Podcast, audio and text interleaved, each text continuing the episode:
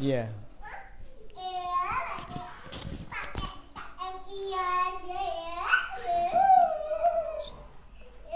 السلام عليكم ورحمة الله وبركاته. الحمد لله رب العالمين وبه نستعين على أمور الدنيا والدين والصلاة والسلام على أشرف الأنبياء والمرسلين سيدنا ومولانا وحبيبنا وشفيعنا وقرة أعيننا محمد وعلى آله وصحبه والتابعين لهم بإحسان إلى يوم الدين. أما بعد. Alhamdulillah Ikhwati fillah Rahimakumullah Alhamdulillah pada sore hari ini kita bisa bersama-sama Melanjutkan Kajian kita Melanjutkan pembahasan kita Dengan kitab Al-Muqaddimah Al-Hadramiyah yang pada sore hari ini insyaallah kita akan lanjutkan pembahasan kita tentang tayamum. Kita masuk pada pembahasan tentang syurutut tayamum. Faslun wa syurutut tayammumi asharatun. Ay yakuna bi turabin wa an yakuna tahiran وأن لا يكون مستعملا وأن لا يكون وأن لا يخالطه دقيق ونحوه.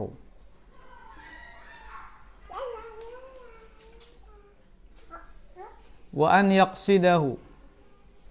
فلو سفته الريح فردده عليه لم يكفه. وأن يمسح وجهه ويديه بضربتين. وأن يزيل النجاسة أولا وأن يجتهد في القبلة قبله وأن يقع بعد دخول الوقت وأن يتيمم لكل فرض عيني. وشروط التيمم عشرة.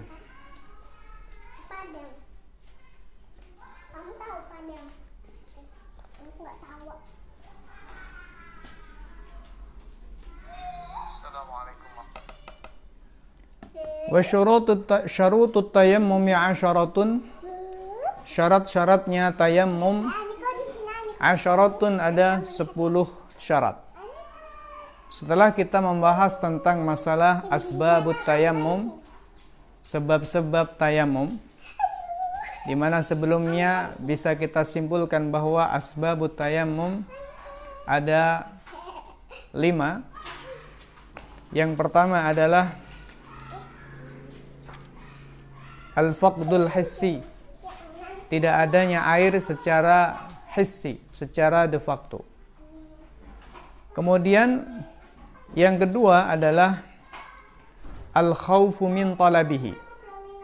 Khawatir takut untuk mencari air. Sebenarnya ada air di luar akan tetapi mengkhawatirkan nyawanya atau mengkhawatirkan hartanya jika ditinggal untuk mencari air. Kemudian yang sebab yang ketiga adalah al-jahlu bil ma'i wa yaitu lupa tentang keberadaan air atau tidak tahu di mana persis keberadaan air. Sebenarnya ada air tetapi dia tidak tahu di mana air tersebut atau lupa ya. Kemudian yang keempat al-hajah ilal ma butuh kepada air. Misalnya airnya sedikit sementara air itu dibutuhkan untuk kebutuhan minum. Baik minumnya manusia minumnya dirinya sendiri ataupun minumnya binatang hewan ternaknya. Kemudian yang kelima adalah an yakhafa isti'malahu an yakhafa min isti'malil ma'i mahdzuran yaitu khawatir jika menggunakan air akan terjadi hal-hal yang membahayakan. Seperti misalnya kematian atau bisa misalnya menyebabkan rusaknya anggota badan secara permanen atau menyebabkan uh, semakin lamanya penyakit yang diderita misalnya. Ini adalah sebab yang kelima. Nah, ikhwati rahimakumullah. Setelah kita selesai membahas tentang sebab-sebab tayamum, nah kita masuk pada pembahasan berikutnya yaitu tentang syurutut tayamum, ya, tentang syarat-syarat tayamum. Apa itu syarat-syarat tayamum? Yang dimaksud dengan syarat tayamum di sini maknanya adalah mala budda minhu fihi. Yaitu sesuatu yang mau tidak mau harus terwujud di dalam tayamum. Sehingga bila dikatakan sebagai syarat maka ini merupakan sebuah uh, penyebutan ya, pengistilahan terhadap perkara-perkara yang sebenarnya juga bisa dikatakan sebagai rukun. Oleh karena itu maka Asy-Syaikh Sa'id bin Muhammad Ba'ishan dia mengatakan id ba'du ma sayadhkuruhu arkanun Ya, sebab sebagian yang akan disebutkan oleh muallif di sini adalah rukun. Jadi penyebutan syarat di sini maknanya adalah mencakup segala sesuatu yang dibutuhkan. Ma yatawaqqafu alaihi at-tayammum. Sesuatu yang menjadi keharusan bagi tayamum. Apakah itu merupakan bagian dari tayamum itu sendiri ataukah bukan bagian dari tayamum tetapi yang jelas tayamum yatawaqqaf alaihi. Ya, tayamum tayamum ini eh, tawakuf, maknanya bergantung kepada perkara-perkara tersebut. Nah, sebagaimana yang kita ketahui ikhwati biasanya para ulama madhab syafi'i membedakan antara syarat dengan rukun. Ya, membedakan antara syarat dengan rukun.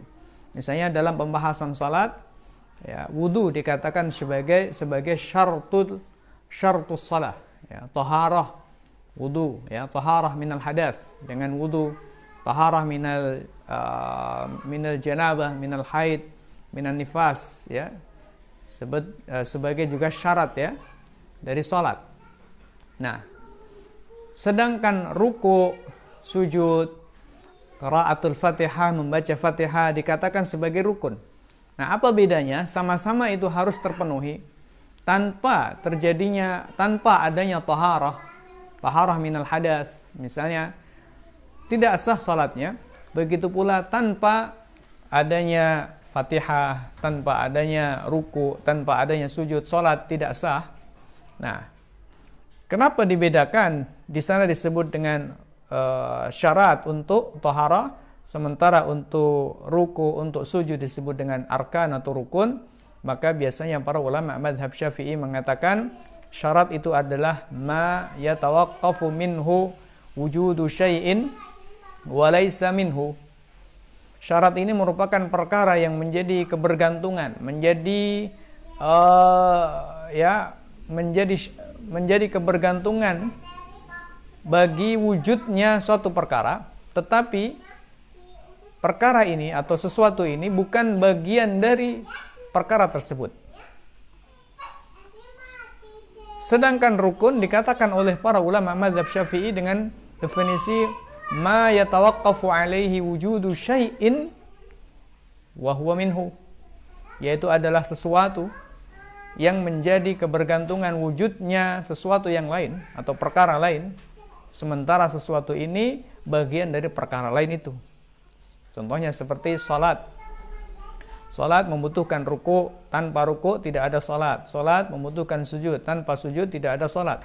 Dan ruku serta sujud itu sendiri merupakan bagian dari salat. Berbeda dengan wudu, berbeda dengan mandi, yang mana salat memang bergantung kepada wudu, bergantung kepada mandi dari janabah atau mandi dari haid, tetapi jelas mandi bukan merupakan bagian dari dari salat. Nah, Ikhwatifillah rahimakumullah. Jadi penyebutan syarat di sini ya.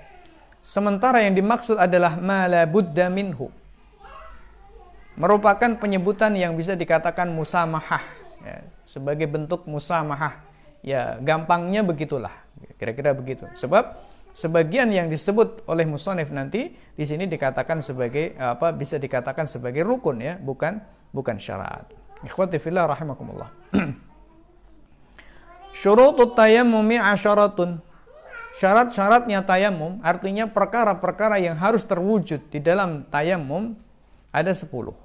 Ya, sehingga makna syarat di sini lebih umum daripada pengertian syarat yang biasa dikatakan ma yatawaqqafu minhu wujudu syai'in walisa minhu ya. Yang pertama an yakuna bi turabin. Yang pertama ayyakuna bi turabin.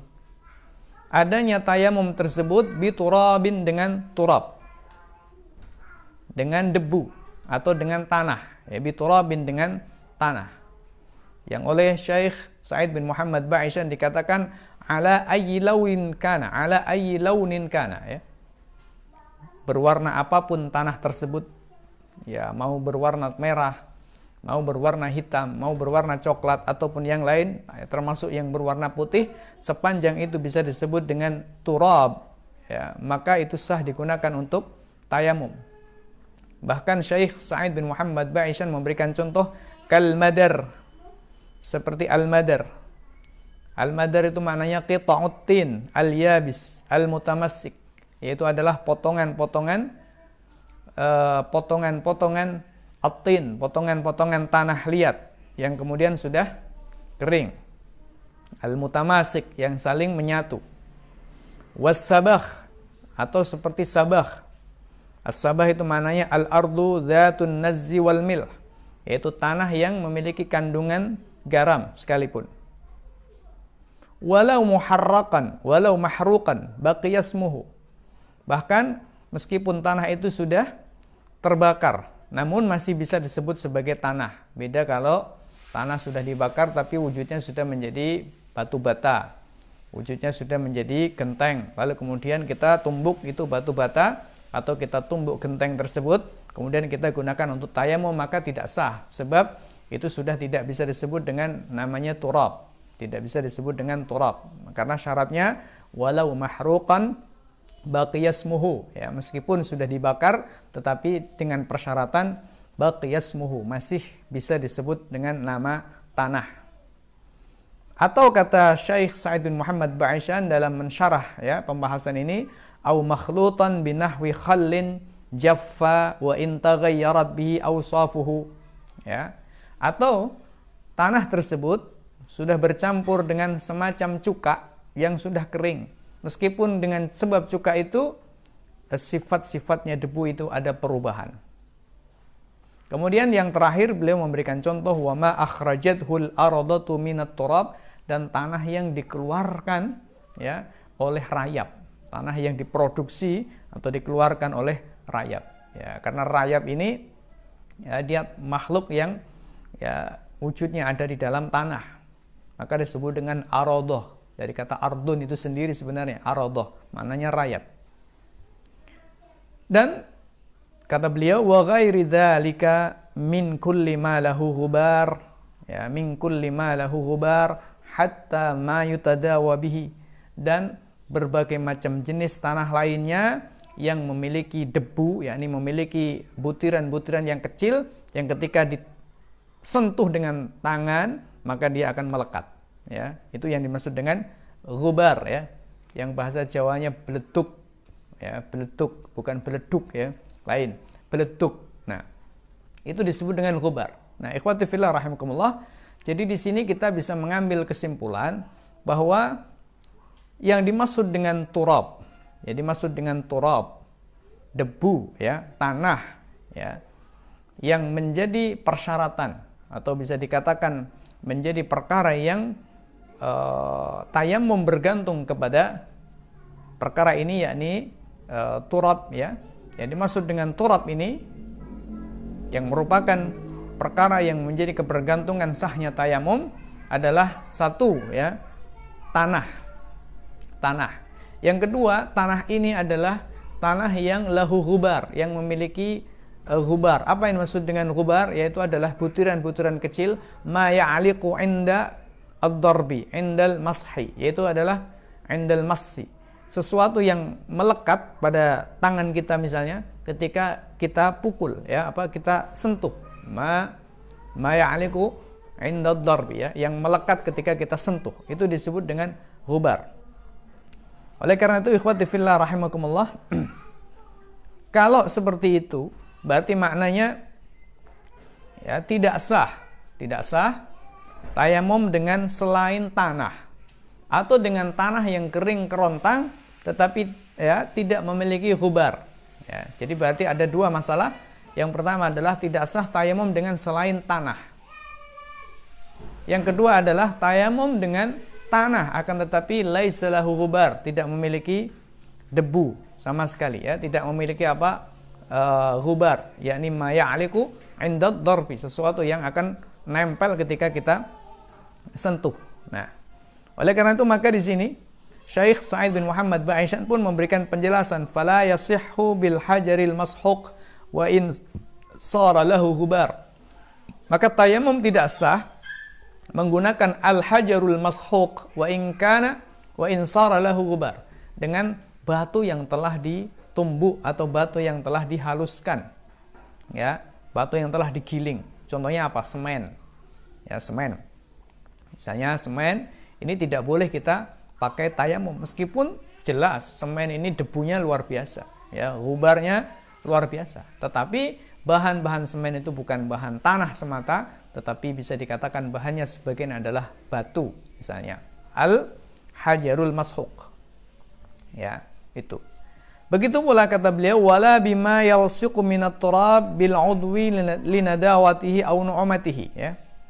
Juga tidak sah tayamum dengan sesuatu yang nempel-nempel ya, yakni tanah-tanah atau debu-debu yang nempel di e, tubuh kita misalnya karena tubuh kita basah.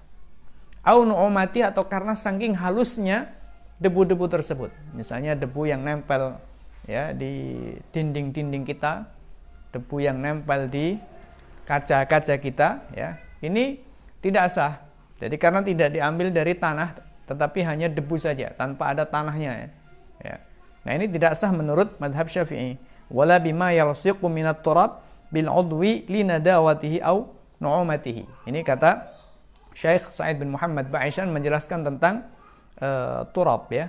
Oleh karena itu maka berarti tayamum yang dipraktekkan oleh sebagian orang, tayamum yang dipraktekkan oleh sebagian orang Misalnya ketika seseorang berada di pesawat atau berada di tempat-tempat tertentu, kemudian dia tayamum dengan menyentuh, misalnya ini meja saya ya, nah disentuh gitu aja, kemudian mengusap e, wajahnya, atau menyentuh tembok, dinding, atau menyentuh apa saja ya. Kalau di pesawat misalnya menyentuh e, tempat duduknya, joknya ya, dan lain sebagainya. Ini tidak bisa dibenarkan menurut madhab syafi'i, sebab dipersyaratkan ya dipersyaratkan harus turab sementara dinding bukan turab ya meja bukan turab jok atau tempat duduk di pesawat atau mobil atau yang semacamnya juga bukan bukan turab kalaupun kemudian ada debu-debu yang nempel di situ maka ini bagian dari wala bima yalsiqu minat turab bil udwi linadawatihi au nu'amatihi jadi itu adalah ghubar ya ini sesuatu ya butiran-butiran debu yang kecil yang nempel karena terlalu halus yang nempel di dinding nempel di kaca nempel di tempat-tempat tertentu itu. Kemudian beliau juga mengatakan wala bi ghairi at-turab min ajza'il ardi awil muttasili biha. Dan juga tidak sah tayamum dengan selain turab. Apa? Min ajza'il ardi awil muttasili biha. Itu bagian-bagian dari tanah ini ya. Bagian dari bumi ini. Awil muttasil atau yang sambung dengan bumi ini. Misalnya pohon ya. Pohon. Atau apa saja ya. Ini tidak sah bertayamum dengan uh, apa namanya ghairi turab selain tanah meskipun punya debu. Nah ini madhab syafi'i. Alasannya apa? Kata beliau li anna sa'ida fil ayati huwa turab. Sebab yang dimaksud dengan sa'id yang ada di dalam ayat yakni firman Allah Subhanahu wa taala dalam Quran surat An-Nisa ayat yang ke-43 ya. uh, ayat yang ke-43 Al-Qur'an mengatakan fat fatayammamu sa'idan tayyiba ya fatayammamu sa'idan thayyiba juga ada pada Quran surat Al-Maidah ayat yang ke-6 fatayammamu sa'idan thayyiba kata sa'idan as-sa'id yang dimaksud di sini adalah at-turab. Kama qala Ibnu Abbas radhiyallahu anhuma sebagaimana dikatakan oleh Ibnu Abbas radhiyallahu anhuma. Jadi ini penjelasan tentang masalah turab. Ikhwati fillah rahimakumullah.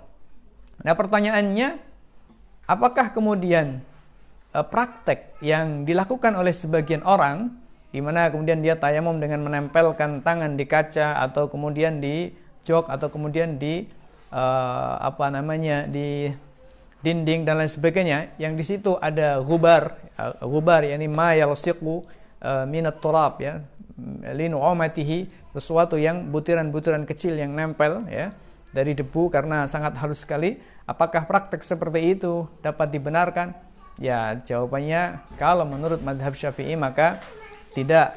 Tetapi di luar madhab syafi'i memang ada pendapat-pendapat yang yang membolehkan. Nah, ini bisa kita baca e, keterangan secara singkat di dalam apa namanya kitab Al-Ihkam syarah e, Al-Ihkam eh, oleh Imam Daqiqil Aid ya, syarah e, syarah apa namanya Al-Ihkam. Uh, mohon maaf ya lupa nama. Al-Ihkam ya Al-Ihkam uh, karya Imam Daqiqil Aid ya yang merupakan syarah dari uh, kitab Umdatul Ahkam. Mohon maaf ya merupakan syarah dari kitab Umdatul Ahkam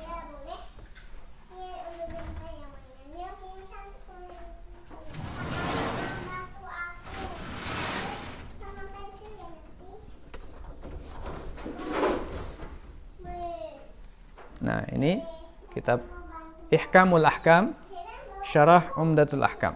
Nah, di sini ada keterangan ya secara uh, ada keterangan secara singkat ya tentang penjelasan beliau berkaitan dengan masalah kaul atau pendapat sebagian ulama ya sebagian ulama yang membolehkan tayamum dengan semua bagian yang ada di muka bumi ini. Ketika beliau mensyarah hadis yang diriwayatkan dari Jabir bin Abdullah radhiyallahu anhu di mana Nabi sallallahu alaihi wasallam bersabda, "U'titu khamsan lam yu'tahunna ahadun minal anbiya qabli nusirtu birru'bi masirata syahrin wa ju'ilat li al-ardu masjidan wa tahuran." Ya, ketika mensyarah hadis wa ju'ilat li ya sabda Nabi sallallahu alaihi wasallam wa ju'ilat li al-ardu masjidan wa tahuran. Dan dijadikan bagiku al-ardu tanah. Di sini Nabi Shallallahu Alaihi Wasallam ya dalam riwayat Jabir meredaksikan dengan kata al-ard ya al-ard. wajuinat li al-ardu al-ardu itu lebih umum daripada at-turab. Al-ardu itu lebih umum daripada at-turab. Ya, sehingga maknanya al-ardu ini mencakup apa saja ya. Jadi semua yang uh, apa namanya ada ini bisa dikatakan al-ardu ya. Nah waju'ilat li al-ardu masjidan wa tahuran dan dijadikan bagiku al-ardu tanah ya. Al-ardu bumi ini masjidan sebagai masjid. Oleh karena itu kita bisa sholat di atas uh, apa namanya keramik sholat di atas dipan sholat di mana saja sebab itu disebut dengan al-ardu ya sehingga al-ardu ini a'ammu minat turab, lebih umum daripada turab. Watahuran dan dijadikan al-ard sebagai tahuran, alat bersuci. Berarti maknanya tayamum dengan apa saja yang bisa digunakan untuk sholat. Ya, tayamum dengan apa saja yang kemudian sah kita sholat di atasnya. Apakah kita sah sholat di atas kayu? Sah. Kita sholat sah. Uh, sholat uh, sah nggak sholat di atas keramik? Sah. Sholat, uh, sahkah kita sholat di atas misalnya tikar? Sah. Sholat di atas uh, daun? Sah. Maka begitu pula tayamum dengan itu semua sah. Karena itu ya bagian dari waju'ilat li al-ardu masjidan wa tahuran. Nah, ketika menjelaskan hal ini ya, Al-Imam uh, Ibnu Daqiqil Aid ya. Al-Imam Ibnu Daqiqil Aid dalam kitabnya Ihkamul Ahkam Syarah Umdatul Ahkam. Ini kitab uh, bagus sekali ya kalau kita baca ya. Nah, beliau mengatakan al-amru tsani istadalla bihi man jawwaza tayammuma bi jami'i ajza'il ardi. Li umumi qawlihi ju'ilat li al-ardu masjidan wa tahuran. Kata beliau perkara yang kedua istadalla bihi man jawwaza tayammum bi jami'il ardi dengan hadis ini, orang-orang yang membolehkan tayamum dengan semua bagian bumi ini berdalil. Kenapa? Li umumi qawlihi sebab umumnya generalnya hadis Nabi sallallahu alaihi wasallam sabda Nabi Muhammad sallallahu alaihi wa alihi wasallam ju'ilat li al-ardu masjidan wa tahuran. Nah, beliau mengatakan walladzina khassu tayammum bit-turab istadallu bima jaa fil haditsil akhar waju'ilat turbatuha lana tahuran. Nah, kata Imam Ibnu Daqiqil Aid, orang-orang yang mengkhususkan tayamum dengan turab saja. Siapa itu? Yaitu ya madhab Syafi'i. Madhab Syafi'i ya. Dan juga sebagian ulama yang lain tentunya istadallu bima jaa fil hadis. Mereka istidlal ya berdalil dengan apa yang ada di dalam hadis yang lain yaitu hadis yang diriwayatkan oleh Imam Muslim dari Khuzaifah di mana dalam hadis riwayat Imam Muslim dari Khuzaifah Ibnu Yaman radhiyallahu anhu Nabi mengatakan wa ju'ilat turbatuha lana tahuran. Jadi Nabi SAW tidak mengatakan wa ju'ilat li al-ardu masjidan wa tahuran tapi Nabi mengatakan wa ju'ilat li al-ardu atau wa ju'ilat lana al-ardu masjidan wa ju'ilat turbatuha lana tahuran. Jadi redaksinya lebih lebih lengkap lebih apa namanya rinci ya, lebih tafsil. Karena Nabi mengatakan waju'ilat lana turbatuha tahuran dan dijadikan bagi kita turbatuha turbahnya ya turbahnya yang kemudian ditafsirkan oleh atau dimaknai oleh madhab syafi'i turbatu maknanya turab turbatuha maknanya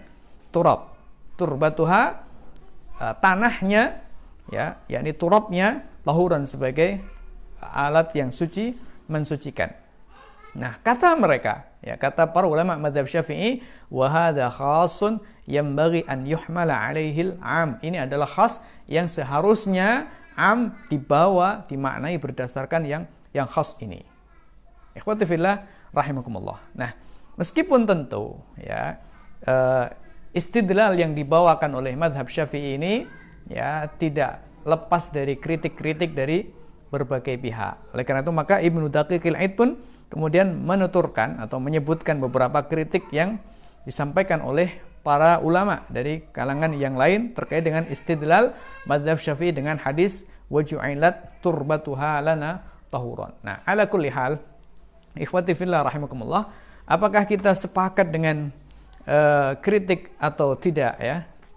Tetapi kita bisa memberikan penjelasan bahwa madhab syafi'i ya mengatakan tidak sah tayamum kecuali dengan turab ya tidak dengan dinding tidak dengan jok mobil tidak dengan apa namanya meja dan lain sebagainya adalah berdasarkan firman Allah Subhanahu wa taala yaitu fatayammamu sa'idan ya Quran mengatakan kata sa'idan yang kemudian ditafsirkan oleh Ibnu Abbas radhiyallahu anhuma dengan turab sebagaimana dikutip oleh banyak ahli tafsir. Salah satunya di sini Syekh uh, Muhammad uh, Sa'id bin Muhammad Ba'ishan mengatakan as-sa'id fil ayah wa turab kama qala Ibnu Abbas radhiyallahu anhu.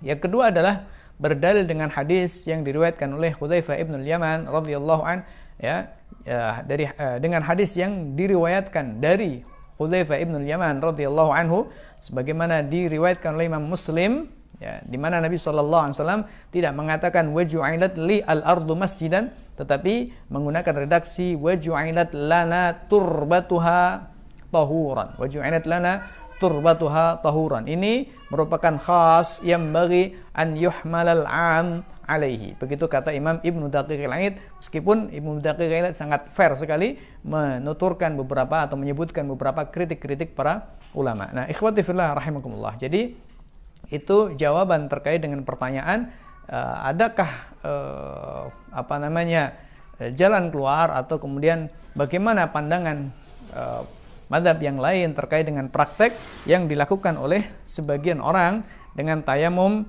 hanya menyentuh misalnya dinding dan lain sebagainya. Ikhwati fillah rahimakumullah. Nah, kemudian uh, di dalam beberapa penjelasan ya, di dalam beberapa penjelasan yang dijelaskan oleh para ulama khususnya uh, Imam An-Nawawi dalam kitab Al-Majmu' ya, syarah uh, Muhadzab Al-Majmu' Syarah Muhadzab uh, beliau juga memberikan penjelasan-penjelasan yang kurang lebih mirip ya dengan apa yang dijelaskan oleh Imam Ibnu Daqiqil Aid. Nah, hanya saja di dalam kitab Majmu' ini beliau menuturkan ada uh, secara lebih rinci ya. Beliau mengatakan misalnya ketika menjelaskan tentang uh, perkataan al-musannif yakni perkataan Asy-Syaikh Abu Ishaq As-Sirazi penulis kitab Al-Muhadzab di mana beliau mengatakan wala yajuzu tayammum illa biturab dan tidak dibolehkan tayamum kecuali dengan turab ya.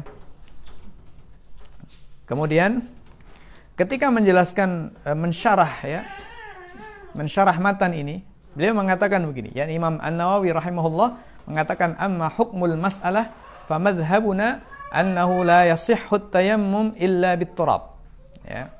Madhab kami, yakni madhab Syafi'i, annahu la yasihhu tayammum illa biturab. Tidak sah tayamum kecuali dengan turab. Hadza huwal ma'ruf fil madhab. Inilah yang telah dikenal, telah diketahui di dalam madhab Syafi'i. Wa bihi qata'al ashab. Dan pendapat inilah yang diputuskan oleh para ashabus Syafi'i wa tadaharat alaihi nususus Syafi'i dan nas-nas asy-Syafi'i nampak sekali menunjukkan ya betapa uh, apa namanya tadhaharat aili nusus Syafi'i artinya begitu banyak nas-nas asy-Syafi'i yang jelas menunjuk bahwa tayamum tidak boleh kecuali dengan turab. Kita bisa merujuk di dalam apa namanya uh, kitab Al-Um ya. Kita bisa menjumpai hal ini dalam kitab Al-Um. Nusus Syafi'i di dalam Um ini juga jelas ya. Ifatifillah rahimakumullah. Nah, meskipun demikian, di sini Imam uh, An Nawawi memberikan satu penjelasan tentang suatu pendapat ya yang diriwayatkan oleh Imam Ar-Rafi'i dari Abu Abdullah Al-Hanati. Oh, Abu Abdullah Al-Hanati dia mengatakan wahakar Rafi'i an Abi Abdullah Al-Hanati annahu haka fi jawaz tayammum bizarirah wan nurah wal zarnikh wal ahjar al madquqa wal qawarir al mashuqah wa asbahuma qaulaini lisyafi'i. Ya. kata Imam Ar-Rafi meriwayatkan dari Abi Abdullah Al-Hanati ya, bahwa dia meriwayatkan tentang bolehnya tayamum dengan az-zarirah ya. Az-zarirah. An-nurah ya. An-nurah. Ya. kemudian az-zarnikh walahjar al-madquqah. Jadi bukan dengan debu tetapi dengan benda-benda lain az-zarirah ya. Uh, az-zarirah an-nurah ya. An-nurah ini maknanya adalah semacam ya gamping semacam uh, apa namanya uh, apa selain debu pokoknya ya. Wazarnikh wal ahjar al madquqah ya. Batu-batu yang ditumbuk wal qawarir al mashuqah kaca-kaca yang kemudian dilembutkan atau dihancurkan. Wa asbahuhuma wa asbahihima qaulaini lisyafi'i kata beliau ada dua qaul bagi Imam Asy-Syafi'i tentang bolehnya tayamum dengan itu. Satu qaul mengatakan tidak boleh satu qaul mengatakan boleh. Ini kata Imam meja apa nak? Meja yang punya aku. Nah itu? Bukan yang punya Mbak Niko. Oh yang ini. Hmm, ya. Mana? Mbak Mbak Nih? Hmm, ya nggak ngapa-ngapain. Hmm? Oh, oh, tuh. Hmm, ya. Di luar aja. Di gang ya. Enggak, nah, masih lama. Di pinggir, jangan di tengah, di pinggir. Oh, oh. Oh, oh. oh. Hmm. Enggak, udah di pinggir aja enggak apa-apa nah. Di rumah sumuk, ya toh? Nah, di pinggir aja di gang, pinggir. hati-hati jangan di tengah ya di pinggir Nah, kita lanjutkan ya intermezzo ini.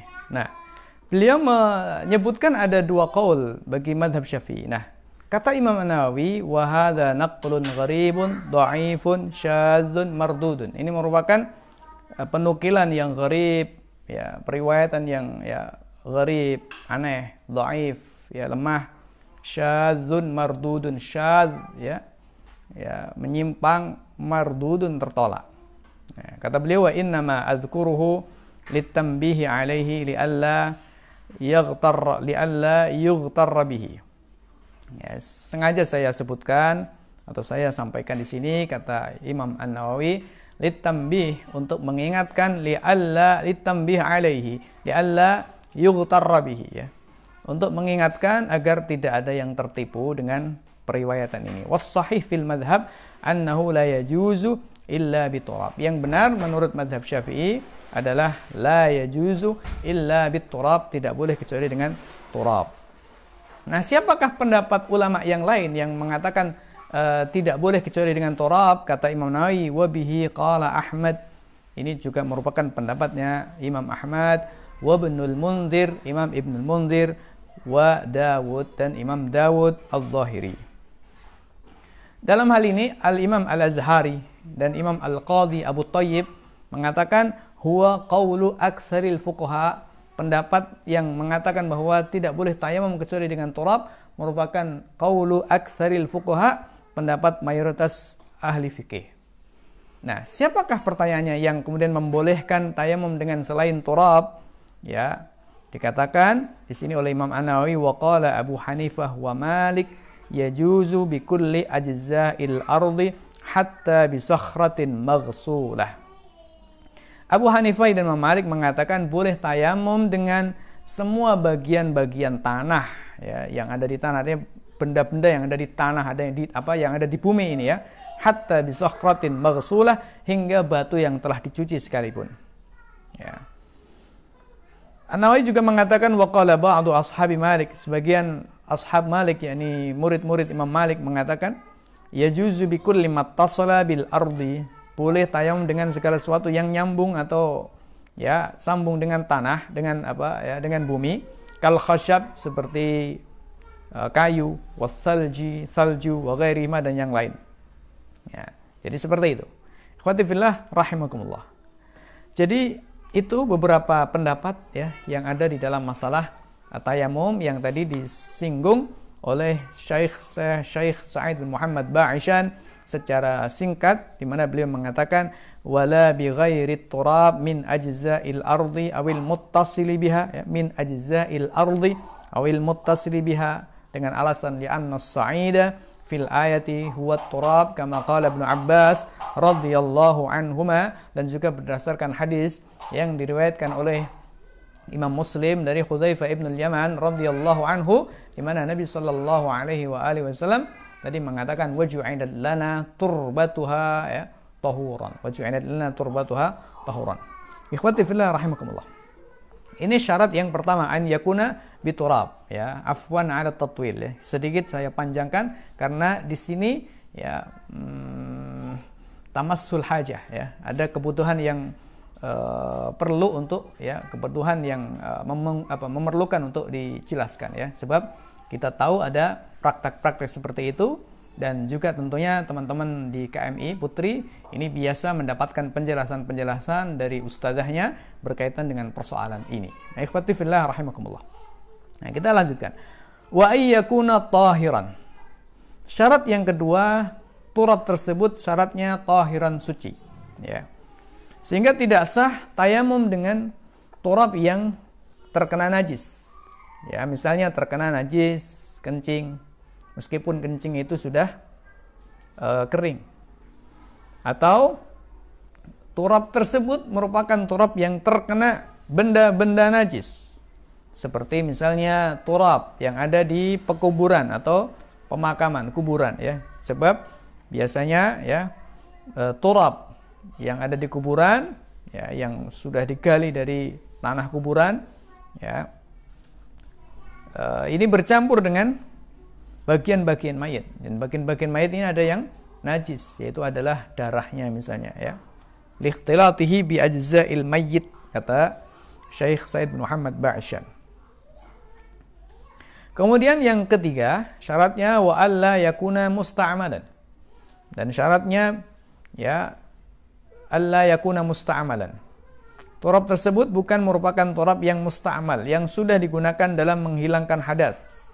Contohnya seperti turab yang ada di, di wajah, lalu kemudian diambil lagi untuk mengusap tangannya, maka tidak dibolehkan. Maka di sini dikatakan kama baqiya fil wajhi, masalan, ba'da mashihi, seperti turab yang uh, melekat di uh, wajah setelah diusap, ba'da mashihi. Au minhu ba'da atau yang rontok dari wajah kita setelah kita mengusap wajah dengan turab tadi ya. Nah, wa fi khabath begitu pula uh, tanah atau turab yang sisa-sisa digunakan menghilangkan menghilangkan uh, najis ya. Contohnya apa? Seperti turab sisa ya. Turab atau pas uh, tanah sisa uh, menghilangkan hadas uh, menghilangkan najisnya anjing. Misalnya seperti itu ya. Maka ini tidak tidak bisa menyucikan karena disyaratkan Allah yakuna musta'malan. Kemudian yang berikutnya wa an la yukhalitahu daqiqun wa nahu. Syaratnya debu tersebut la yukhalitahu. Wa an la yukhalitahu dan hendaklah dan uh, wa an la yukhalitahu dan tidak mencampuri pada turab daqiqun wa nahu. Uh, daqiq yakni tepung wa nahu dan semacamnya tepung ya. Jadi turapnya kecampuran tepung atau turapnya kecampuran semen atau turapnya kecampuran kapur yang lembut-lembut itu ya. Itu tidak sah digunakan untuk tayamum. Kenapa seperti itu? Kata beliau, wa inqallah, sekalipun sedikit ya. Kenapa tidak sah? Kata Syekh Said bin Muhammad Ba'ishan, li'annahu linu'umatihi yamna'u turab ila al-udwi. Sebab karena lembutnya tepung tadi, lembutnya semen, lembutnya uh, apa kapur itu ya, rontokan kapur itu. Misalnya yamna'u wusulat turab ila al-udwi bisa menghalangi sampainya turab yang lain ya turab yakni turab yang ada di situ yang bercampur dengan tepung tadi ilal udwi ke anggota badan. Maknanya yang nempel di anggota badan justru bukan turab tetapi malah misalnya uh, semennya atau misalnya apa? Uh, tepungnya dan lain sebagainya. Oleh karena itu maka disyaratkan alla yukhalitahu daqiqun wa nahwuhu. Wa an yaqsidahu dan syarat yang ke berapa ini ya? Ayyakuna bi turab, ayyakuna tahiran, ayyakuna musta'amalan ya. Tiga, kemudian alla yukhalitahu daqiqun wa nahwuhu. Yang ke uh, empat ini ya. Berarti yang kelima. Wa an yaqsidahu. Yang kelima syaratnya dia memang sengaja untuk mengusapkan atau menyampaikan turab kepada wajahnya. An yaqsidahu ya. Bertujuan bermaksud untuk mendatangkan turab ke wajah. Hal ini berdasarkan firman Allah Subhanahu wa taala fatayammamu. Fatayammamu sa'idan. Fatayammamu sa'idan. Sebagaimana di awal kita jelaskan bahwa kata tayammum itu maknanya adalah al-qasdu. At-tayammum asal maknanya adalah al-qasdu sehingga berarti maknanya fatayammum maknanya ya faqsiduhu, faqsiduhu yani faqsidu sa'idan, faqsidu turaban, tahiran. Ya. Ada maksud. Maksud apa? Maksud memindahkan tanah ke wajah. Nah, oleh karena itu maka dikatakan falau safat hurrih. Kalau kemudian ada angin kencang, wus begitu, kemudian uh, tanah ini berhamburan. Ya. Akhirnya apa? Ada yang nempel di wajah. Kemudian faraddadahu alaihi. Kemudian diusap-usapkan di wajah. Bagaimana? Lam yakfihi. Maka tidak cukup. Ya tidak tidak cukup. Jadi harus ada tujuan. Ya apakah dilakukan dia sendiri atau dilakukan oleh orang lain dengan izin dan perintah atau permintaan dari orang yang tayamum? Tolong itu eh, misalnya ya tanahnya di apa namanya ditempelkan di wajah saya. Nah, sah. Berarti ada maksud. Jadi seperti itu. Beda dengan angin tadi. Kemudian yang keenam, wa an yamsaha wajhahu wa yadayhi bi darbataini. Wa yamsaha wajhahu wa yadayhi bidarbataini. Dan yang ke berapa tadi? Keenam ya. Ayyam saha wajhahu. Dia mengusap wajahnya wa yadayhi dan dua tangannya bidarbataini dengan dua dorbah, dengan dua kali pengambilan uh, debu. Yakni binaqlataini dengan dua kali naql. Naqlah. Naqlah wahidah lil wajhi naqlah thaniyah lil yadain. Jadi bidarbata ini ya dengan dua kali dorbah. Ini yang membedakan dengan sebagian madhab yang lain di mana sebagian madhab mengatakan at-tayamum dorbah wahidah. Tayamum itu dengan satu kali dorbah saja. Nah, madhab syafi'i mengatakan tayamum itu bidorbata ini dengan dua kali dorbah. Ya, ikhwati fillah rahimakumullah. Dorbah lil wajhi. Untuk wajah. Ya. Kemudian dorbah lil yadaini. Untuk dua tangan. Jadi di sini ikhwati fillah rahimakumullah terjadi perbedaan di tengah-tengah para ulama tentang berapa kali uh, nakal turab, berapa kali proses pengambilan turab. Madhab Syafi'i mengatakan naklan, naklataini, ya dua kali uh, pengambilan turab. Ada sebagian madhab yang mengatakan naqla wahidah, satu kali pengambilan turab. Jadi berarti prakteknya menurut madhab syafi'i, ya, naqlah wahidah, naqlah ula, naqlah ula lil wajh. Thumma naqlah thaniyah lil yadain. Sedangkan menurut sebagian madhab, darbah wahidah, darbah wahidah lil wajah walil kaffain lil wajah walil kaffain هكذا هذا مذهب آخر غير مذهب الشافعي أما عند المذهب الشافعي فالتيمم ضربتان ضربة أولى للوجه وضربة ثانية لليدين ini yang pertama yang kedua ikhwati fillah rahimakumullah ya tentang mengusap wajah. Tidak ada perbedaan di kalangan seluruh ulama ya, tentang batas-batas wajah. Pada prinsipnya ya sebagaimana yang ada di dalam wudhu ya batasnya sebagaimana dulu sudah kita sudah pernah kita bahas ya tentang uh, haddul wajah tentang batas wajah. Nah, tetapi dalam kaitannya mengusap tangan di mana Quran mengatakan famsahu biwujuhikum wa aidikum min. Maka usaplah wajah kalian wa aidikum dan tangan kalian min dari debu tersebut. Fatayammamu sa'idan thayyiba famsahu biwujuhikum wa aidikum. Di dalam ayat tayamum Allah Subhanahu wa taala tidak menyebutkan ghayah, tidak menyebutkan ghayah tentang tangan. Jadi Allah Subhanahu wa taala tidak menyebutkan ghayah sebagaimana yang ada di dalam ayat wudu. Ayat wudu mengatakan faghsilu wujuhakum wa aydiyakum ilal marafiq. Wa aydiyakum ilal marafiq. Sementara di dalam ayat tayamum Allah tidak mengatakan demikian, Allah hanya mengatakan famsahu biwujuhikum wa aydikum. Yang pertanyaannya aidi itu sampai mana? Ya. Sampai siku atau hanya sampai pergelangan tangan? Nah, seperti itu. Menurut madhab syafi'i, jawabannya adalah tangan yang dimaksud di dalam ayat ini adalah sampai pergelangan, uh, mohon maaf, sampai siku. Bukan hanya sampai pergelangan tangan. Jadi bukan kafain, tetapi adalah zira'ain. Bukan kafain, tetapi adalah zira'ain. Ya, bukan dua telapak tangan atas uh, bagian luar dan bagian dalam, tetapi adalah zira'ain, sampai uh, siku. Ini menurut madhab syafi'i. Jadi berarti artinya di luar sana ada sebagian pendapat yang kemudian mengatakan bahwa tayamum ketika mengusap tangan itu hanya kafain saja. Jadi misalnya seperti ini, darbah wahidah faqat. Hakata. Nah, ini menurut sebagian fukuha. Ya, karena Al-Quran mengatakan famsahu biwujuhikum wa aidikum tanpa ada penjelasan di dalam Al-Quran. Marafik tidak ada. Ya, sehingga kemudian terjadi perselisihan di kalangan ulama. Nah, pertanyaannya bagaimana? Kemudian Imam Ash-Syafi'i atau madhab Syafi'i sampai pada sebuah kesimpulan bahwa mengusap eh, mohon maaf, mengusap eh, tangan itu sampai mirfaqain ya, sampai mirfaqain.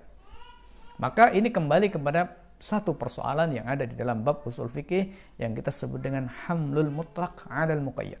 Hamlul mutlak 'alal muqayyad. Ya.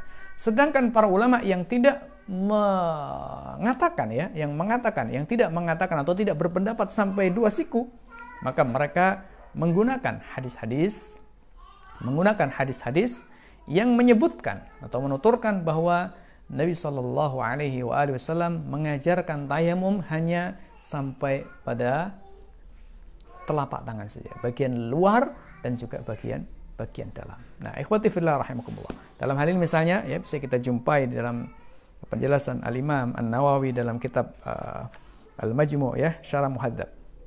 Nah, beliau misalnya begini ya. Ini ada, agak sedikit panjang ya. Agak sedikit panjang.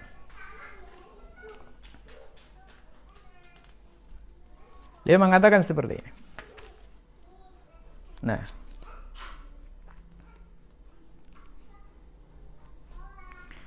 Amma hukmul mas'alah فمذهبنا المشهور أن التيمم ضربتان ضربة للوجه وضربة لليدين مع المرفقين kata beliau tentang hukum masalah yang ada dalam ini yakni dalam qaulul matan dalam ucapan matan di mana Syekh Abu Ishaq Asy-Syirazi penulis kitab uh, Al-Muhadzab mengatakan wa tayammum mashul wajhi wal yadaini ma'al mirfaqaini bi darbataini aw aktsara.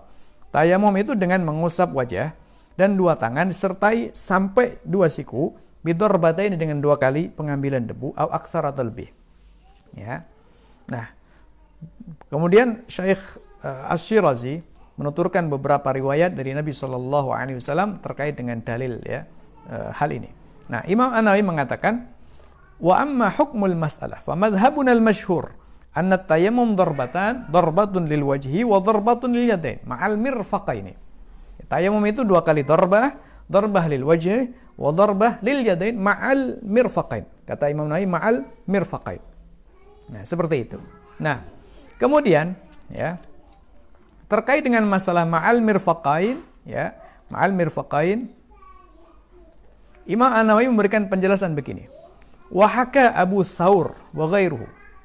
Imam Abu Thawr, Imam Abu Thawr ini rawi madhab syafi'i qadim. Rawi madhab syafi'i qadim. Imam Abu Thawr adalah rawi madhab syafi'i yang qadim. Wahaka Abu Thawr. Ya, kemudian beliau beristihad sendiri meninggalkan madhab syafi'i ya, artinya tidak tidak taklid atau tidak mengikuti madhab syafi'i lagi tidak bermadhab syafi'i tapi kemudian istihad sendiri. Kemudian ada namanya madhab thawri. Ya madhab thawri itu bukan Sufyan al-Thawri bukan tapi adalah Abu Thawr ya. Wahaka Abu Thawr wa ghairuhu. Imam Abu Thawr dan yang lain meriwayatkan qaulan Syafi'i fil qadim, satu pendapat yang uh, diriwayatkan dari Imam Syafi'i dalam qaul qadim annahu yakfi mashul wajhi wal kaffain. Boleh mengusap wajah dan hanya telapak tangan saja. Ya, bagian luar dan bagian dalam. Ini qaul qadim. Riwayat dari Abu Thawr dan yang lain. Nah, Imam An-Nawawi kemudian memberikan penjelasan. Ini tahkiknya Imam Nawawi. Luar biasanya Imam An-Nawawi beliau mengumpulkan data yang luar biasa besarnya berkaitan dengan persoalan uh, riwayat-riwayat di dalam madhab syafi'i. Maka beliau dikatakan sebagai muhakkik madhab syafi'i. Ya, sebagai muhakkik madhab syafi'i atau mustahid madhab syafi'i. Nah, Beliau mengatakan wa angkara Abu Hamid wal Mawardi wa ghairuhuma hadzal qaul. Abu Hamid Al-Asfirayni dan juga Imam Al-Mawardi begitu pula beberapa ulama yang lain mengingkari kaul ini, mengingkari pendapat ini. Waqalu, mereka mengatakan kata Imam Nawawi, lam yadhkurhu Syafi'i fil qadim. Tidak pernah ada ceritanya Syafi'i dalam kaul qadim menuturkan pendapat ini yakni uh, mengusap hanya uh, telapak tangan saja. Tidak ada kata beliau, kata mereka. Nah, Imam Naim memberikan komentar, wahadil ingkar fasid. Pengingkaran seperti ini ya fasid, rusak. Kenapa? Fa inna Abu Thawr min khawasi ashab Syafi'i sebab Abu Thawr termasuk ya ashabu Syafi'i yang khas. Ashabu Syafi'i yang khas, yang dekat sekali, yang khas, ya khusus. Wasiqatihim wa immatihim dan yang termasuk terpercaya dari ashabu syafi'i dan termasuk imam dari kalangan ashabu syafi'i. Fanaqluhu anhu makbul maka penukilan Abu Thawr dari Imam Syafi'i itu makbul, makbul. Wa idza lam yujad fil qadim humila ala annahu sami'ahu minhu musyafahatan. Kalau di dalam kitab-kitab yang ditulis oleh Imam Asy-Syafi'i sebagai madhab qadim tidak dijumpai, tidak dijumpai, maka kata Imam An-Nawawi, humila ala annahu sami'ahu minhu musyafahatan. Maka dimungkinkan sekali Imam Abu Thawr mendengar Imam mendengar Imam Asy-Syafi'i secara musyafahah, secara verbal ya, tidak ditulis.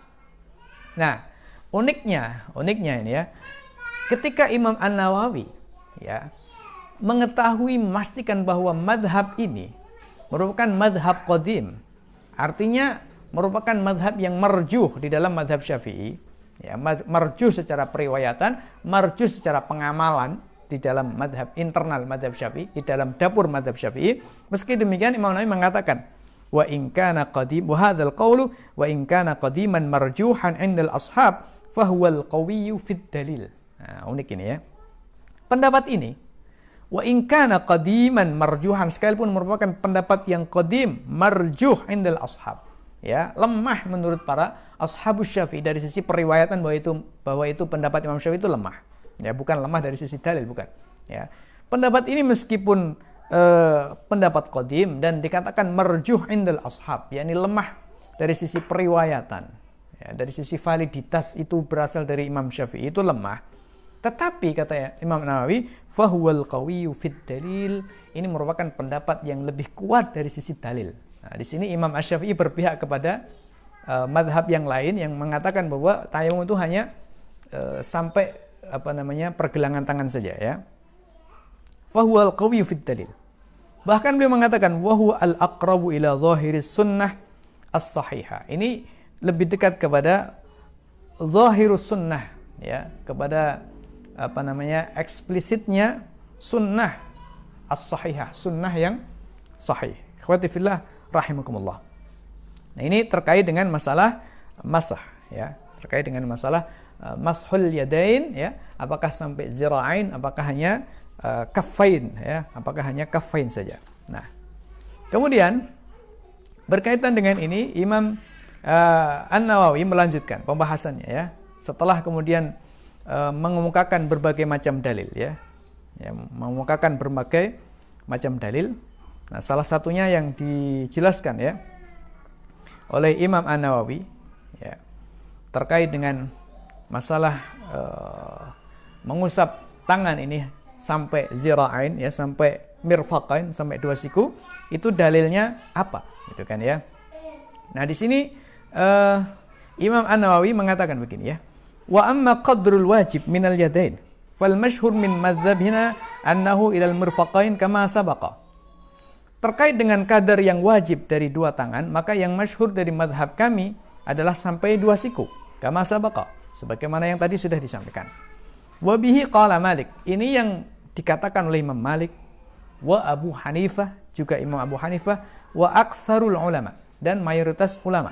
Jadi berarti Imam Malik, Imam Ash-Syafi'i dan Imam Abu Hanifah dan aksarul ulama itu mengatakan bahwa tayamum itu ilal kaf ila ila ilal mirfaqain ya tangan ini sampai mirfaqain meskipun tadi Imam An-Nawawi sempat mengatakan ya bahwa sampai hanya uh, dua telapak tangan itu akwa dalilan wa akrab ila zahiri sunnah ya lebih kuat dalilnya dan lebih dekat kepada zahirus sunnah nah tetapi meski demikian ya beliau mengatakan pendapat yang menyatakan bahwa mengusap tangan ini sampai mirfaqain itu merupakan pendapatnya Imam Asy-Syafi'i dan juga pendapatnya Imam Malik, pendapatnya Imam Abu Hanifah wa aktsarul ulama dan mayoritas ulama.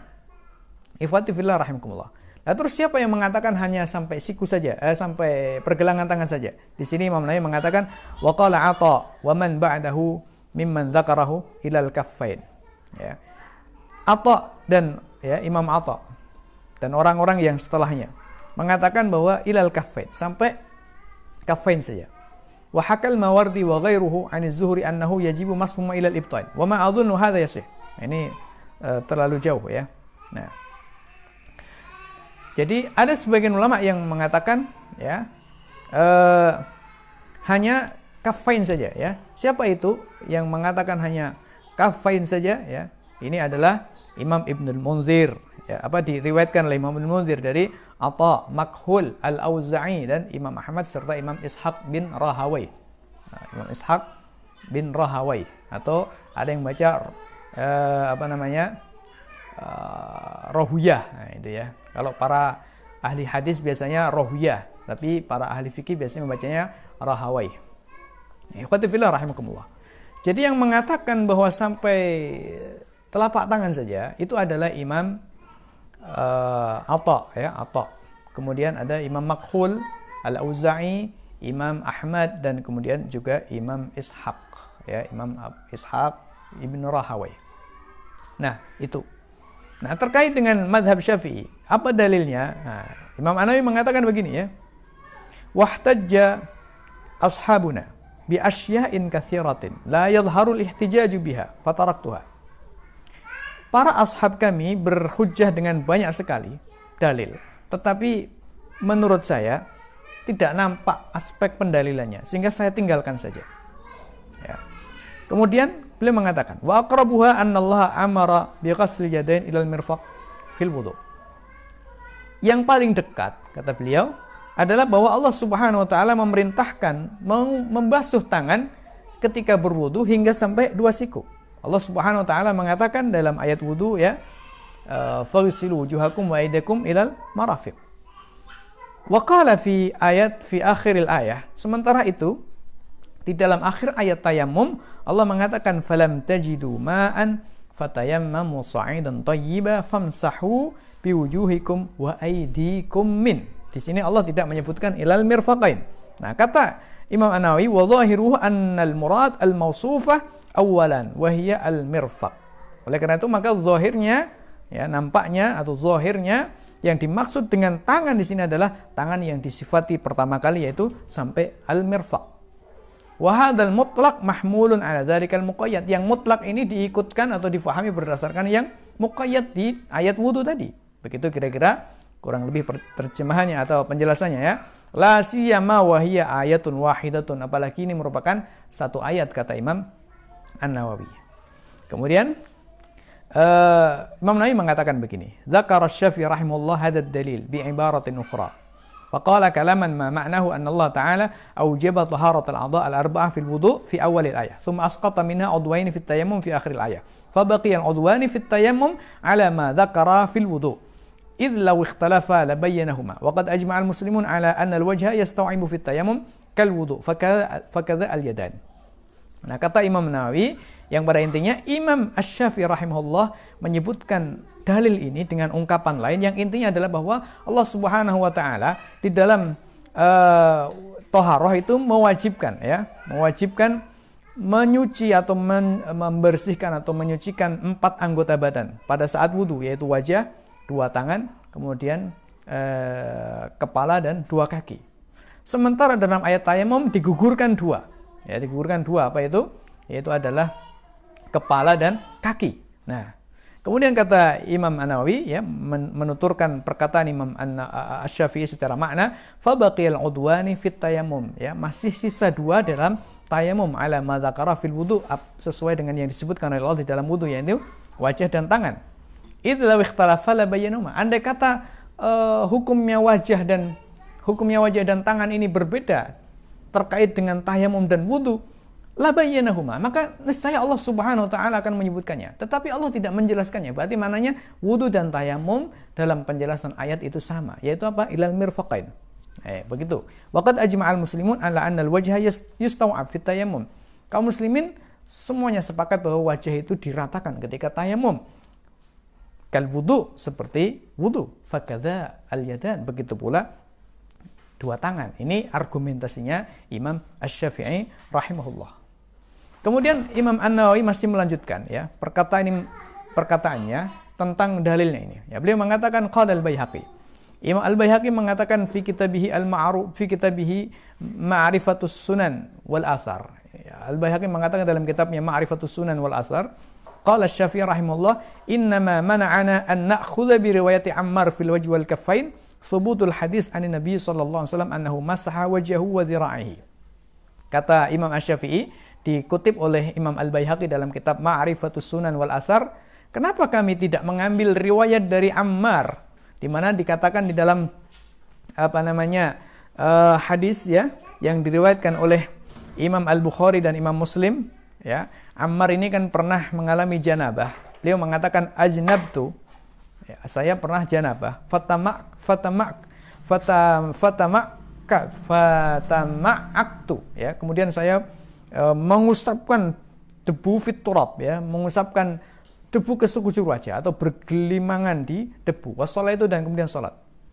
Faqala Nabi sallallahu alaihi wasallam. Nabi sallallahu alaihi wasallam mengatakan kepada Ammar, innama yak innama kana yakfika hakada. Ya harusnya cukup bagi kamu wahai Ammar seperti ini. Fadaraban Nabi sallallahu alaihi wasallam al-ardha fanafakha fihi ma thumma masaha bihi ma wajhahu wa kaffai di mana Nabi SAW mempraktekkan kepada Ammar mengusap wajah, kemudian mengusap dua telapak tangan saja. Hadis riwayat Imam Bukhari dan Imam Muslim. Nah, kata Imam uh, kata Imam Al Baihaqi dalam kitab Ma'rifatus Sunan wal Athar ya, Kenapa Imam Syafi'i tidak mengambil ini? Ya, beliau mengatakan ya, qala Syafi'i innama mana'ana an na'khudha bi riwayati Ammar fil wajhi wal kaffain Kenapa kami tidak mengambil riwayatnya Ammar tentang wajah dan dua telapak tangan? Berarti mana Imam Syafi'i tahu? Ya, Imam Syafi'i tahu riwayat ini. Kenapa tidak diambil? Alasan beliau adalah subutul hadis ani Nabi SAW. Sebab juga ada hadis dari Nabi SAW. Annahu masaha wajahu wa dhira'ihi. Beliau mengusap wajahnya wa dhira'ihi dan e, tangannya hingga dua siku. Wa anna hadha ashbahu al-Quran. Ashbahal Qur'ana. Ini lebih mirip kepada Al-Quran, ashbah Al-Quran. Ya, Quran mengatakan uh, tentang ayat wudhu, ya, fasilu wujuhakum wa aydikum ilal marafiq. Tentang ayat tayamum, Al-Quran mengatakan famsahu bi wujuhikum wa aydikum. Ya, nah, ketika kemudian kita pahami berdasarkan kaidah mutlak muqayyad, maka kemudian ini ashbah bil Quran, ashbah bil Quran atau ashbah Al-Quran. Kemudian Imam al uh, Imam Nawawi mengatakan begini, wal qiyas annal badal minasyai' yakun mithlahu secara logika, kan tayamum itu penggantinya wudhu. Nah, kalau dalam wudhu membasuh tangan itu sampai siku, maka dalam tayamum mengusap tangan juga sampai siku. Kenapa? Al-badal minasyai yakun mislahu. Badal, pengganti dari sesuatu itu ya harusnya mirip dengan sesuatu tersebut. Gitu. Kemudian Anawi mengatakan, qala al-Baihaqi hadithu Ammar asbatu min mashid ra'ain. Hadisnya Ammar itu lebih valid daripada hadis yang menyebutkan tentang bahwa Nabi SAW mengusap hingga dua zira. Tetapi kata Imam Al-Bayhaqi, illa anna hadis zira'ain jayyidun bisyawahidihi. Hanya saja hadis tentang zira'ain itu jayyid ya, bagus bizira'i uh, bisyawahidi dengan syawahidnya. Warwahu Jabir an Nabi SAW at-tayammum darbah lil wajhi wa darbah lil yadain ilal mirfaqain dan kemudian juga diperkuat oleh hadis riwayat Jabir radhiyallahu anhu bahwa tayamum itu dorbah lil wajah. Lil wajah satu kali untuk wajah. Kemudian dorbah lil yadain satu kali lagi untuk dua tangan. Ilal mirfaqain ya. Hadis yang uh, diriwayatkan oleh Imam Ad-Darqutni yang pertama yang kedua adalah diriwayatkan oleh Ad-Darqutni dan juga Imam Al-Baihaqi. Nah tentang hal ini ikhwati fillah rahimakumullah uh, ada masih ada satu lagi penukilan yang dikutip oleh Imam uh, Imam An-Nawawi rahimahullah tentang argumentasi madhab Syafi'i yang menggunakan apa yang berpendapat hanya uh, sampai ya bukan hanya ya sampai dua siku ini beliau mengatakan begini. Qala asy-syafi'i wal baihaqi. Imam Asy-Syafi'i dan Al-Baihaqi mengatakan akhadna bi hadisi mashiz zira'ain. Kami mengambil pendapat mengusap tangan hingga zira'ain hingga dua siku. Li'annahu muwafiqun li dhahiril Qur'an walil qiyas wa ahwat. Ya, kata Imam Asy-Syafi'i dan Al-Baihaqi sebab itu lebih cocok dengan zohirnya Quran satu walil kias dan lebih cocok dengan kias kiasnya tadi adalah badal itu harusnya pengganti harusnya sama dengan yang diganti ya yang kedua yang ketiga wa ahwat dan lebih hati-hati kalau orang mengusap uh, tangannya hanya telapak tangan, sementara ada pendapat lain yang mengatakan sampai siku. Ini kurang hati-hati. Tetapi ketika orang mengusap sampai siku, sementara ada ulama mengatakan hanya sampai telapak tangan, maka sah ini. Menurut yang mengatakan sampai telapak tangan sah, menurut yang sampai siku juga sah. Sehingga kemudian ahwat. Di sini berarti al-khuruj minal khilaf mustahabun. Ahwat, ya. Keluar dari khilaf mustahab. Sehingga ahwat di sini lebih hati-hati. Nah, itu. Kemudian ada perkataan yang menarik dari Imam Al-Khattabi ya. Al-Khattabi dalam kitabnya Ma'alimus Sunan dikutip oleh Imam An-Nawawi rahimahullah dalam kitab Majmu' ini beliau mengatakan al-iqtisar 'ala al-kaffaini as-sahhu fir riwayah. Mencukupkan pada kaffain itu as-sahhu fir riwayah, lebih sahih dalam hal riwayat. Ya. Tetapi kata Imam Al-Khattabi wa wujubu dzira'ain wajibnya mengusap tangan sampai zira'ain sampai dua siku asbahu bil usul lebih ya nampak mirip dengan usul. Artinya dengan apa namanya uh, usul ya. Ini apa? Wudu ya. Asbahu bil usul asbahu bil usul. Lebih nampak dengan usul artinya lebih mirip ya dan lebih nampak jelas kemiripan argumentasinya wa asahhu fil qiyas dan lebih sahih dalam hal qiyas wallahu a'lam. Ikhwati fillah rahimakumullah. Jadi itu penjelasan terkait dengan masalah kenapa madhab Syafi'i memilih pendapat bahwa mengusap tangan ini sampai mirfaqain. Alasannya adalah yang pertama asbahu bil Quran, hamlul mutlaq alal muqayyad. Yang kedua adalah asbahu ilal qiyas ya, akrabu ilal qiyas, lebih dekat kepada qiyas. Nah, kemudian yang ketiga adalah ahwat ya, lebih hati-hati. Ikhwatifillah rahimakumullah. Kemudian uh, selanjutnya saya tambahkan sedikit. Wa an yuzila an najasata awalan dan dia harus menghilangkan najis sebelumnya ya. Jadi kalau wajahnya ada najis, tangannya ada najis, wajib dihilangkan terlebih dahulu. Sebab tayamum tidak bisa menghilangkan najis, tidak seperti wudu ya. Wa an yajtahida fil qiblati dan disyaratkan dia harus beristihad dalam kiblah qablahu sebelum tayamum. Dalam madhab syafi'i, kalau seseorang mau sholat dengan menggunakan tayamum karena tidak ada air misalnya, maka sebelum dia melakukan tayamum harus sudah memastikan dulu arah kiblatnya mana. Ya ini saya pikir untuk konteks hari ini ya, tidak terlalu penting ya, karena setiap orang uh, ya saya pikir gampang untuk mencari kiblat ya. Dan ada masjid, ada alat-alat yang sudah cukup canggih untuk mencari kiblat ya.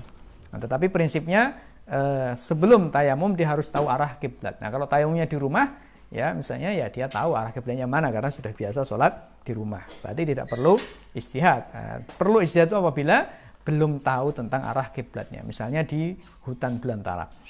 Wan yaqa'a ba'da dukhulil waqti dan syaratnya menurut madhab syafi'i ya tayamumnya ini dilakukan setelah masuknya waktu. Ya, setelah masuknya waktu.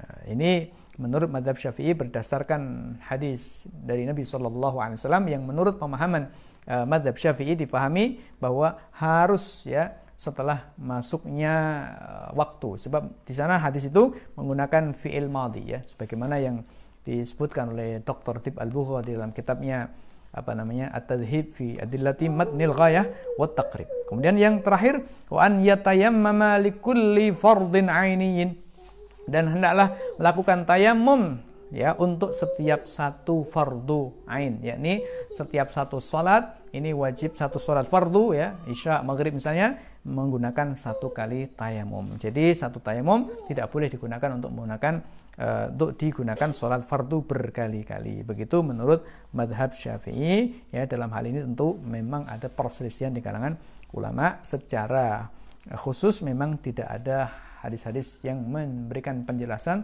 terkait dengan masalah ini. Tetapi alasan madhab syafi'i biasanya mengatakan bahwa eh, apa namanya tayamum itu taharatun dhaifah tayamum itu sesuci yang lemah sehingga kemudian tidak bisa digunakan untuk uh, sholat berkali-kali yang sholat fardu nah, ada satu dalil yang dikemukakan oleh madhab syafi'i yaitu adalah ucapan Ibnu Abbas radhiyallahu anhu. Beliau mengatakan minas sunnah alla yusalliya bitayammumin wahidin illa salatan wahidatan. Termasuk sunnah adalah seseorang tidak sholat dengan satu tayamum saja ya, tidak sholat dengan satu tayamum kecuali satu sholat saja ya. Hadis yang diriwayatkan oleh Imam Abdul Razak As-Sun'ani Imam Ad-Darqutni ini ya digunakan dalil oleh sebagian ulama madhab syafi'i. Tetapi hadis ini dikatakan oleh para ulama misalnya seperti At-Talhisul Habir ya. At-Talhisul Habir ini takhrij hadis-hadis yang ada di Asy-Syarhul Kabir li Rafi'i ya. Uh, beliau mengatakan penulis kitab At-Talhisul Habir ya, bahwa hadis ini adalah hadis yang lemah ya. Andai kata ini marfu kepada Nabi sallallahu alaihi wasallam karena Ibnu Abbas mengatakan minas sunnah dan dalam penjelasan usul fikih bahwa ketika sahabat mengatakan minas sunnah itu berarti maknanya itu hadis yang marfu ya. Andai kata kita katakan ini adalah hadis yang marfu, maka ini hadis dikatakan doaif oleh sebagian ulama. Ya. Sehingga kemudian di sini tetap saja tidak ada dalil yang tegas sebenarnya terkait dengan persoalan satu kali tayamum untuk satu kali sholat fardu saja. Demikian mudah-mudahan ada manfaatnya. Kurang lebihnya saya mohon maaf. Wassalamualaikum warahmatullahi wabarakatuh. Subhanakallahumma bihamdika asyhadu an la ilaha illa anta astaghfiruka wa atubu ilaik.